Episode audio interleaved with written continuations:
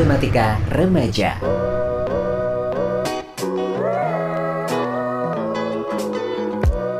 Program remaja nomor satu di Bali versi kami sendiri yang tidak hanya mengedukasi tapi juga lucu. Kop aja kita obrolin problematika remaja bareng Joni Putra dan Dodo Yuda sampai jam 6 sore.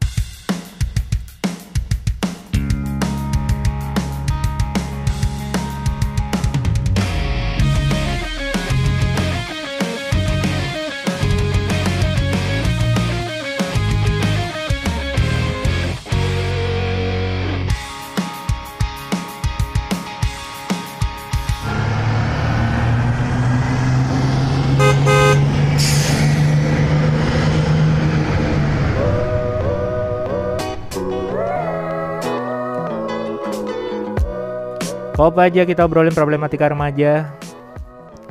Masih bersama penyiar kesayangan Anda di kota-kota Anda. Siapa? Aku udah nyiapin nama masa. Bersama saya Aliando, Aku siapa ya? Marsyanda aja. Oke lah. Daripada aku capek-capek gitu kan mikirnya ya. Atau eh, Rizky Nasar. Ya ampun, Rizky Febian gitu kenapa ya? Eh, Rizky Nazar itu siapa sih? Yang itu yang ditangkap narkoba kemarin. Oh, oh, pemain film itu ya. Nggak tahu. Aku juga nggak kenal soalnya. Hari ini spesial, Bud. Karena eh HUT Bayangkara. Eh bukan. Ini spesial banget. Ini dalam rangka HUT PRSSNI ke-47. Nah, apa tuh PRSSSSNI?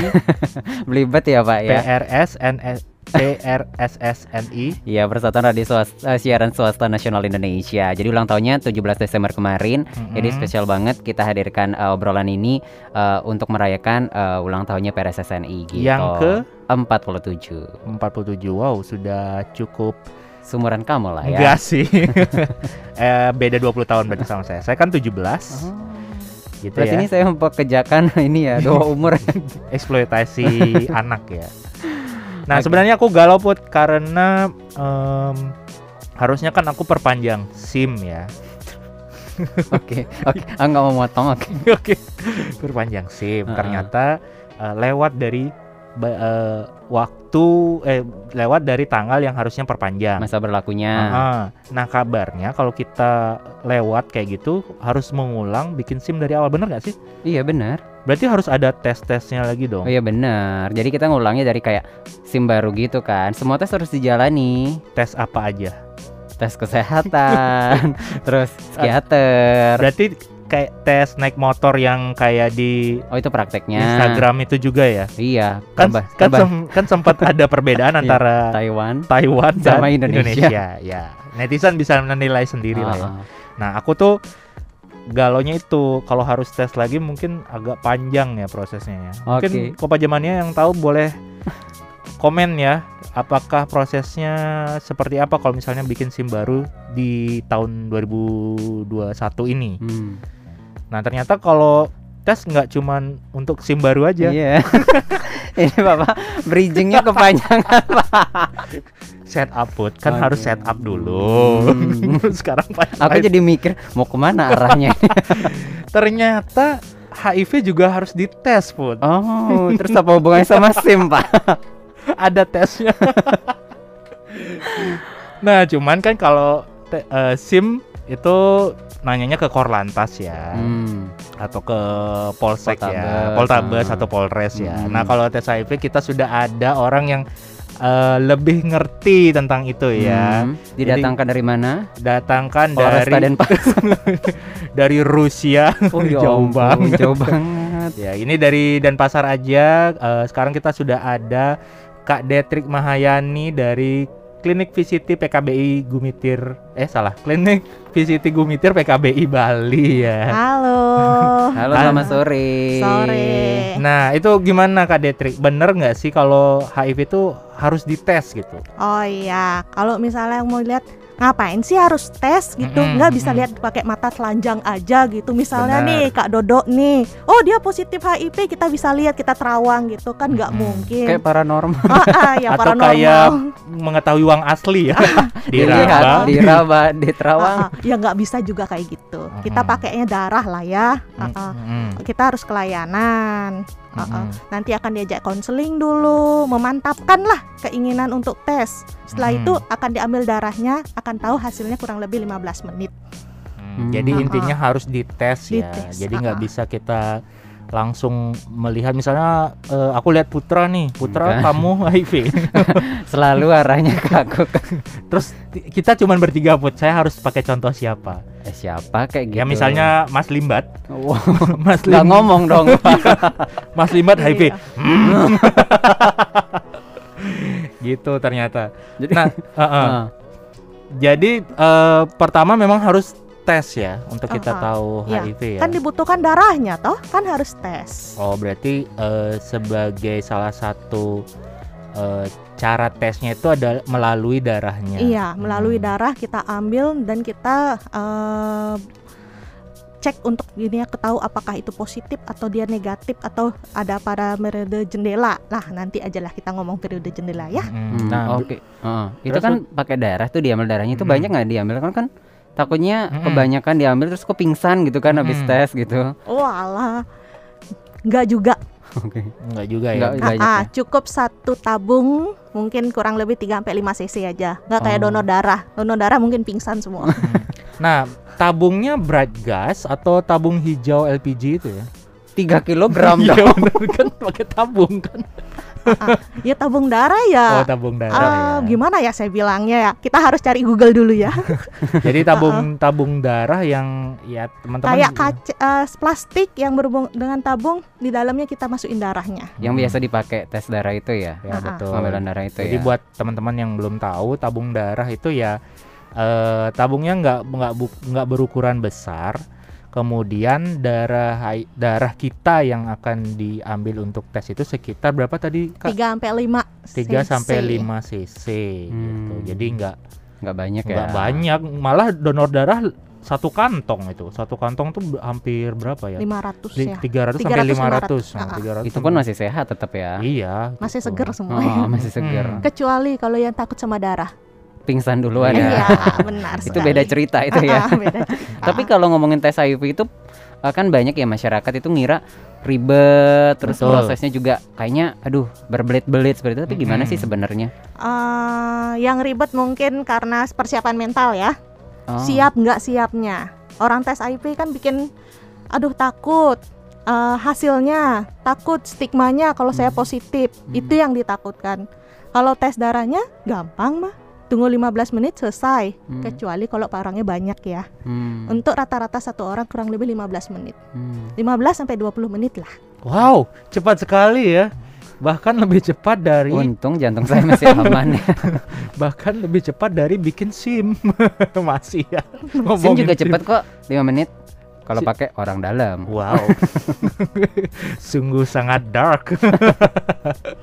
nah, berarti em, pertama berarti memang harus tes dan yang dites itu adalah darah ya. Iya. Bisa nggak yang dites tuh misalnya eh, air mata kita mungkin Ah, untuk mengetahui memang seluruh tubuh orang Mhm. yang HIV itu memang mengandung virus HIV. Mm-mm. Tetapi yang memang bisa kita eh, tes itu adalah darahnya.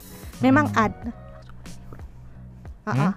Ya, karena Mengenai pe- eh, karena itu virus terbanyak yang bisa kita temukan adalah di darah.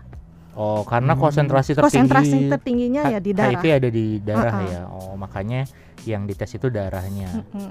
Karena Putra kalau dilihat dari Tuh kan putra lagi kan. dari Kenapa casing tidak saya? kalau Putra aja. Tidak mungkin narasumber jadikan contoh ya. Siapa sangat tahu? Karena sangat kalau tidak Putra- sopan itu terjadi. Karena kalau dilihat Putra kan casingnya nggak tahu ya ada darahnya apa enggak.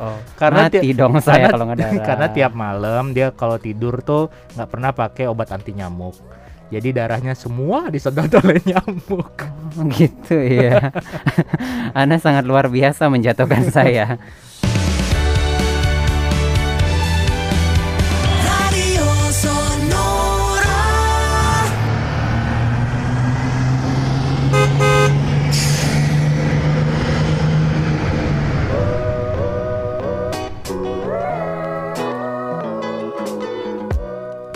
Kami keluarga besar Persatuan Radio Siaran Swasta Nasional Indonesia.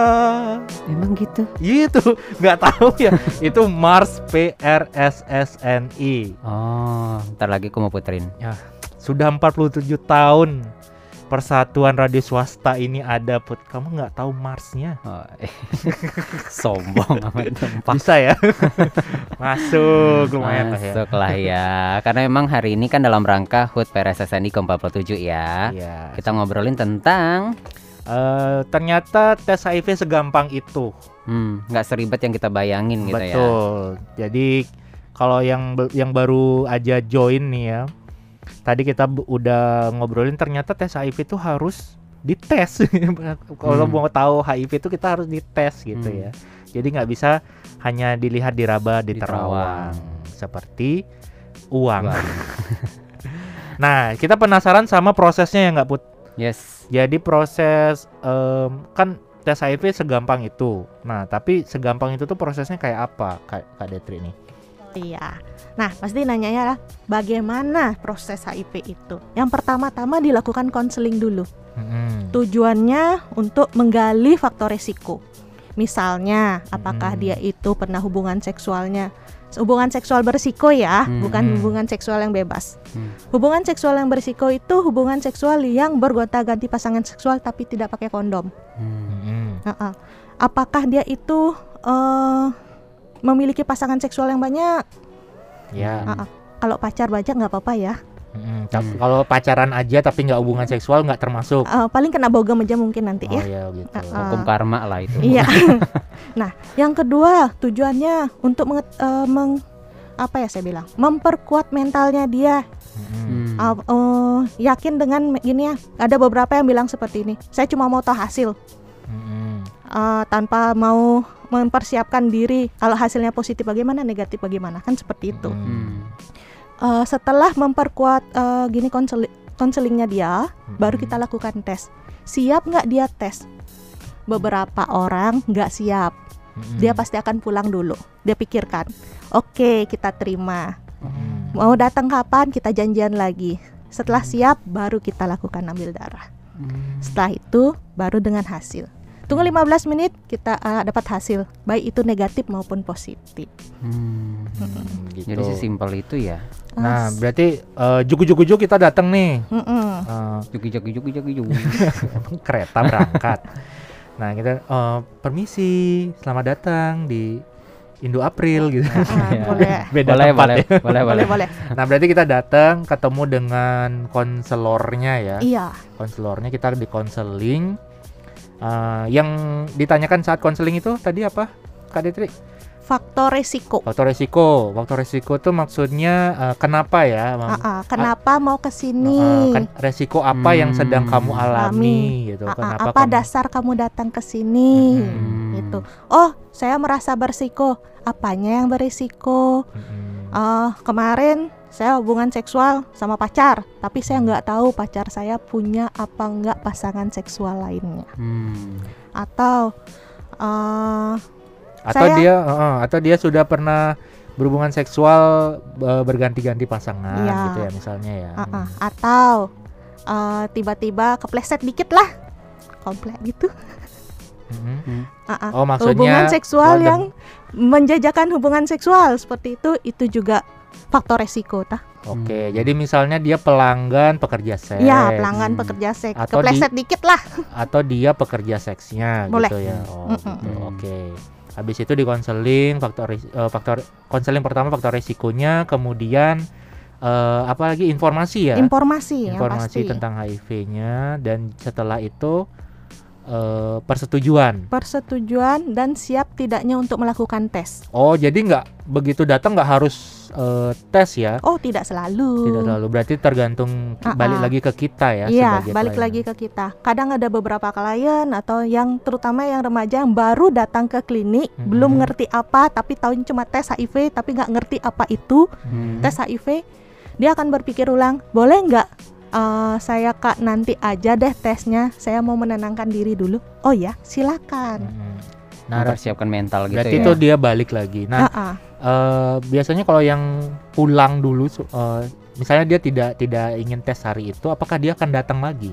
Kita kasihkan kontak chat kita, nanti dia bisa chat kita. Oh. Uh-uh. Kalau dia sudah siap, silakan datang. Iya, kita iya. janjian lagi. Berarti Oke. bisa se senyaman itu ya, ya. Hmm. Kalau misalnya uh, belum nyaman dengan kondisi saat ini dan masih bingung pengen ditanyain tuh bisa langsung nanya konselornya ya. Iya, bisa. Oke, nah bagi yang eh, mungkin tadi kan batal ya tesnya Mm-mm. gitu ya, Mm. baru konseling aja itu nanti saat datang ke sana langsung tes atau ada lagi nih harus konseling ulang lagi atau gimana? Kalau dia masih deng- eh, belum puas dengan keadaan dirinya, Hmm. kita ngobrol lagi lah. Hmm. Tapi kalau oh iya saya siap, oke kita lanjutkan pada tahap eh, pengambilan darah. Hmm. Dan itu hasilnya 15 menit. Kurang lebih 15 menit. Oke, jadi habis habis di konseling, kemudian diambil darahnya untuk untuk di tes lab ya. Iya. Di tes lab untuk tahu uh, positif atau negatif gitu. Nah, setelah hasil tesnya keluar nih misalnya cekret cekret cekret gitu. Kan Emang suara printer. printer, suara printer, Oh. printernya masih pita. Oh. Jadi belum laser jet. Oke, saya tidak mengenal berarti. Kenapa nggak tik tik tik tik tik gitu? Itu kan pakai Itu mesin. mesin Oh, iya, boleh lah. Tolong ya. Sangat purba.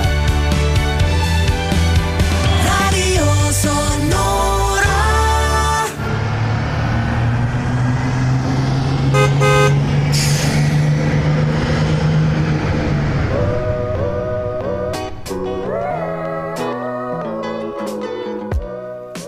Kok aja kita obrolin problematika remaja. Yes, sampai jam 6 sore nanti. Oke, tadi kita udah ngobrolin tentang proses tes HIV yang ternyata gampang banget. Kayak itu ya. Saking gampangnya ya sampai gemes. Gemes gemes gemes gemes. GBL. Gampang banget loh. Aduh, lebih ke jijik ya. eh lidahnya terus naik. Gampang banget loh. Gitu. Wow, wow, wow, wow. Tadi kita udah ngobrolin dari proses datang ke layanan ke tempat tes, terus dikasih konseling, dikasih informasi, terus kita dites. Nah, Hmm. terus kita tadi terpotong di hasil, Hmm. ya Kak Detri ya. Kalau misalnya eh, hasilnya eh, eh, hasilnya udah keluar nih. Nah, terus apa yang apa yang terjadi saat itu? eh, yang terjadi setelah itu? Mau tanya nih, Mm-mm. eh, dari pihak mana nih? Dari pihak klien? Iya pastinya kan Ah, ah. kan misalnya aku yang datang nih jugu-jugu-jugu terus darah udah diambil udah dites kemudian ada hasilnya sekarang. Hmm. Apakah hasilnya aku langsung ambil ataukah di share via WhatsApp atau via story Instagram Wih, misalnya? luar biasa. Siapa tahu kan? Kalau gitu lewat Kayak Sonora aja. Diumumin di sini ya. Atas nama Dodo Yuda. Hasil tes HIV Anda jeng jeng jeng jeng. nungguin ya. ada gitu lagi. Langsung jawab lagi. Iya. TBL. Takut banget loh. Wadaw. Ah. Eh, untuk hasil tes bisa langsung kita obrolkan. Ah, un- gini ya. ada beberapa sih yang klien merasa ada yang lega, Mm-mm. ada yang menangis lega. Mm-mm. Tidak selalu menangis itu karena menangis sedih ya, Mm-mm. karena ketakutan sebelumnya. Jadi saat tahu hasil tes dia lega seperti itu. Mm-mm. Ada yang diam aja, mungkin Hmm. belum connect mungkin ya. Mm-mm. Ah, ah. Setelah itu kita akan konseling pasca tes Mm-mm. baiknya gimana baik itu positif ataupun di- hasilnya negatif kita akan tetap konseling untuk pasca tes Oh, ah. oke. kembali kita mempersiapkan mentalnya dia Oke, berarti bisa di eh, aku aku summary ya. Eh, ambil ambil ambil sedikit resume-nya. Jadi da- eh, ada konseling sebelum tes, kemudian dites, kemudian konseling setelah tes Ya, gitu ya. betul sekali Oh, berarti nggak nggak bisa kita misalnya Kak kirimin dong eh, hasil tesnya ke eh, WhatsApp aku gitu. nggak bisa ya. nggak langsung lah Apakah nanti bisa nongol di Peduli Lindungi mungkin? Seperti tes Kira COVID. tes HIV. Eh, tes COVID. kan biasanya gitu ya kalau kita mau tes covid ini nanti kelihatan di peduli lindungi nggak gitu? Terkonek gitu ya. berarti enggak ya memang Wah. harus ada proses itu ya konseling kalau ya. misalnya hasilnya positif berarti semua orang tahu dong Nah, di mall-mall tahu oh ini positif HIV begitu Bapak Joni Putra Anda positif Hmm. Anda tidak boleh masuk mall. kan bahaya. gitu ya oke nah em, itu prosesnya ya. Eh, jadi teman-teman sudah sempat dengar ternyata prosesnya gampang. Dan eh, yang membingungkan adalah siapa yang boleh tes gitu. Ya. Hmm. apakah kami-kami ini boleh tes atau hanya orang tertentu saja yang boleh tes? Maksudnya apakah hanya rekomendasi misalnya dari misalnya aku datang ke siapa ke misalnya Putra ini adalah tokoh masyarakat gitu misalnya ya. Hmm. Terus Tumben ya. bagus, ya. Tumben role-nya bagus ya. ah. Misalnya Putra merekomendasikan Dodo untuk tes HIV atau ap- siapa aja boleh gitu. Gimana sih? Eh, sebenarnya siapa aja boleh, Mm-mm. tetapi diutamakan memang yang melakukan beres- eh, sesuatu yang berisiko. Hubungan eh, misalnya Mm-mm. setiap orang dewasa, anak-anak dan remaja dengan kondisi medis terduga tanda-tanda terinfeksi HIV. Hmm. Itu boleh ditawarkan. Misalnya sekarang itu ada pra- eh, kebijakan yang punya TBC Mm-mm. disarankan untuk tes HIV. Oke. Itu kolaborasi. Mm-mm. Seperti itu. Ibu hamil dan ibu bersalin. Ini Mm-mm. memang program ya. Iya. Ha-ha. Untuk mencegah penularan eh, HIV ke anak. Mm-mm. Setelah itu bayi yang baru lahir dengan ibu yang positif HIV. Oke. Eh, korban pemerkosaan, Korban pemerkosaan. Pemer- eh, wa- perempuan atau anak korban pemerkosaan Mm-mm. dan yang memang disadari melakukan hal yang berisiko seperti pelanggan seksual itu kan sadar ya. Mm-mm. Eh, Oh apa bisa namanya? aja tidak sadar. pekerja. Uh, hebat ya. Hilap ya. Kilapnya berkali-kali ya. ya terus pelanggan Eh, pekerja seks itu pelanggan misalnya. ah. pelanggan pekerja seks Mhm. itu pekerja seksualnya juga Mm. dan memiliki pasangan seksual yang ODA ataupun ODIF. Oh, berarti Hmm. kalau misalnya pasangan kita itu positif HIV, Mm-mm. kita juga sebaiknya tes HIV Iya. gitu ya. Oh. Nah, Jadi pada dasarnya semua orang boleh, Boleh? cuman yang tadi itu sangat disarankan ya, Iya, yang sangat disarankan. yang tadi disebutkan oleh Kak Detri ya. Iya. eh, ken- apa namanya mengalami TBC tuberkulosis Hmm. kemudian ibu hamil ya ibu ibu hamil terus juga eh, tadi apa tuh yang korban korban pemerkosaan korban pemerkosaan pelanggan seksual. pelanggan seksual gitu ya dan juga intinya yang beresiko tinggi Iya. gitu ya Kalau misalnya tidak ada resiko ujuk-ujuk boleh saja sekalian Hmm. juga dia mendapatkan edukasi. Hmm. oh iya Mm-mm. berarti Sering ada kok yang seperti itu. Oh, Pengen aja pengen aja ya digali faktor risiko tidak ada, silakan. Hmm. misalnya kayak aku nih aku kan alim ya percaya aja lah. Hanya Tuhan yang tahu ya. ya ceritanya aku alim Iya iya, Dodo emang alim kok ya. Sandalku aman-aman aja soalnya sini. tidak pernah melakukan perilaku beresiko Hmm, selalu di rumah saja hmm, hmm, Lagi-lagi. Putra sangat mengamini ya. Iya dong. Nah, aku itu men- bisa ya. Bisa, sangat bisa. Oke, tapi misalnya nih kak ya, misalnya kan sekarang eh, tes HIV kita hasilnya negatif gitu ya. Mm-mm. Eh, ada eh, apa ya periode-periode tertentu nggak sih kita cuk tes lagi atau dalam jangka waktu berapa kita tes lagi gitu? Nah. Tes seperti apa? Tadi kepleset sama periode jendela ya. Hmm. Periode jendela itu eh, periode masuknya virus ke dalam tubuh sampai terbentuk antibodi yang bisa diperik- eh, terdeteksi oleh alat. hmm, Biasanya itu terbentuk antibodi itu dua minggu sampai enam bul- enam bulan. hmm, Makanya kalau misalnya orang yang pos eh, negatif HIV hmm, disarankan untuk tes lagi tiga bulan kemudian hmm. untuk mengetahui apakah orang itu memang negatif HIV atau Hmm. dia berada pada periode jendela. Hmm. Nah, misalnya dia positif nih. Eh, apa yang yang harus dilakukan gitu? Eh, yang utama adalah konseling hasil positif. Itu Mm. yang pertama. Oh, beda ya. Beda konseling yang negatif dan konseling positif itu beda. Biasanya lebih menguatkan untuk eh, Oh, oke. mental ora- orang yang positif HIV. Mm-mm. Lalu dilakukan pemeriksaan ulang dan Hmm. disarankan untuk melakukan pengobatan dan pendampingan. Oke. Itu dilakukan pemeriksaan lebih lanjut Hmm. eh, untuk mengetahui sebanyak berapa virusnya.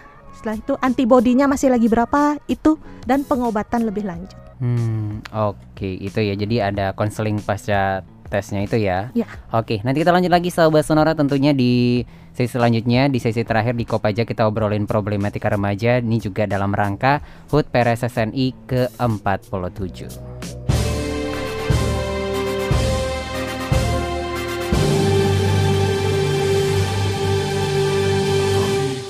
Besar PRSSNI Persatuan Radio Siaran Swasta Nasional Indonesia.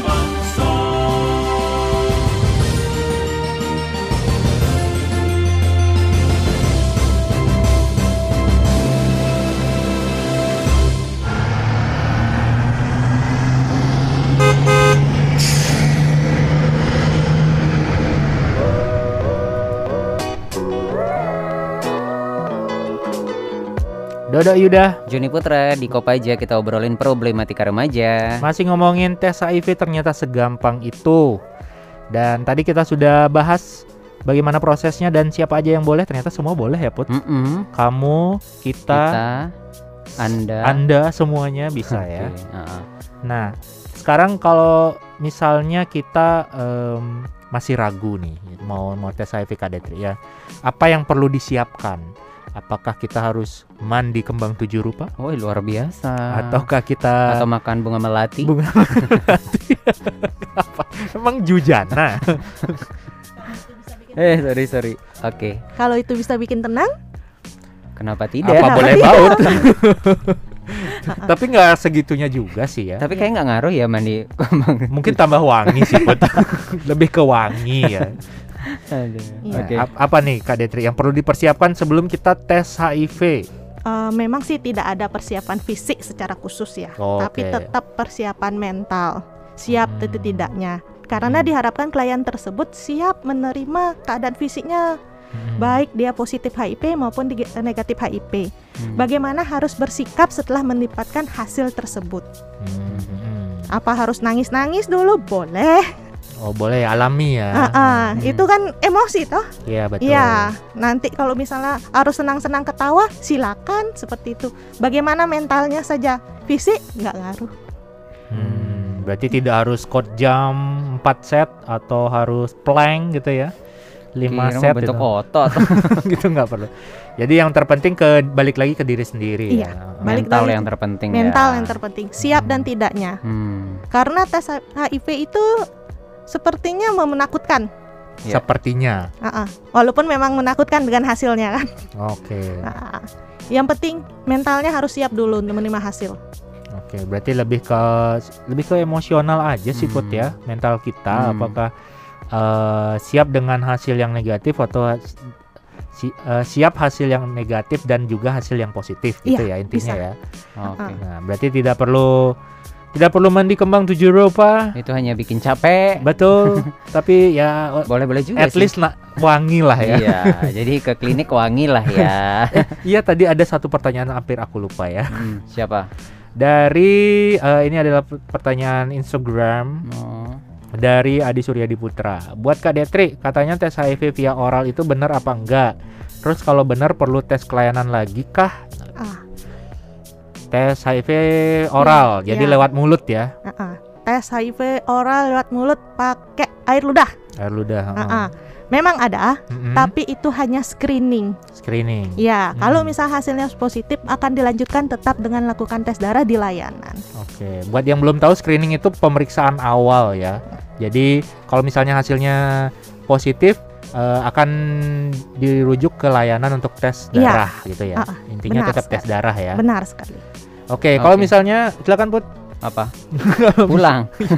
kalau misalnya mau tes bisa di mana nih Hmm. Kak Detri? Nah, eh, kalau mau tes boleh di puskesmas masing-masing di tempat daerah masing-masing yang ada Hmm. layanan tes HIV-nya atau Hmm. boleh ke eh, klinik VCT Gumitir PKBI daerah Bali di Jalan Gatot Subroto 4 nomor 6. Denpasar ya. Iya, Hmm. cari aja saya, boleh. Oke. Oke, jadi cari. tanya aja Kak Detri. Saya mau cari Kak Kak Detri. Detri Eh, katanya nggak ada. Ternyata di sana namanya beda. Mawar ternyata namanya. Oh, pagi malam ya bedanya.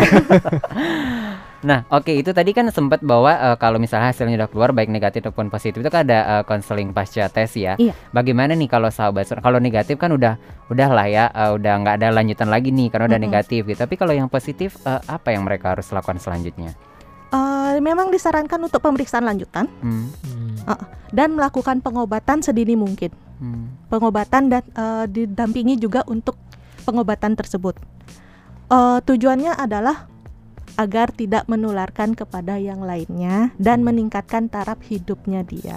Hmm, Oke, jadi nggak usah khawatir ya, ter- eh, walaupun positif, eh, apa ada pengobatannya Ya. gitu ya. Obatnya ada, tetapi Hmm. memang tidak menyembuhkan, setidaknya meningkatkan taraf hidupnya seseorang tersebut. Hmm, Oke, Hmm. karena kan sebelumnya eh, sebelum tahu informasi ini kan orang-orang jadi berpikir begitu positif HIV dia akan mati gitu. Iya, misalnya. benar sekali. Padahal itu ada pengobatannya ya Kak Detri Iya, ya. ada Hmm. pengobatannya. ada proses lebih lanjutnya, ada pengobatan dan juga eh ob- Pendampingan, pendampingan ya. psikososial. Hmm, Hmm. Oke. Dan itu bagi mereka yang eh, maksudnya udah berobat ini rutin ini, berarti mereka bisa melakukan aktivitas seperti orang-orang eh, umum pada umumnya orang normal gitu.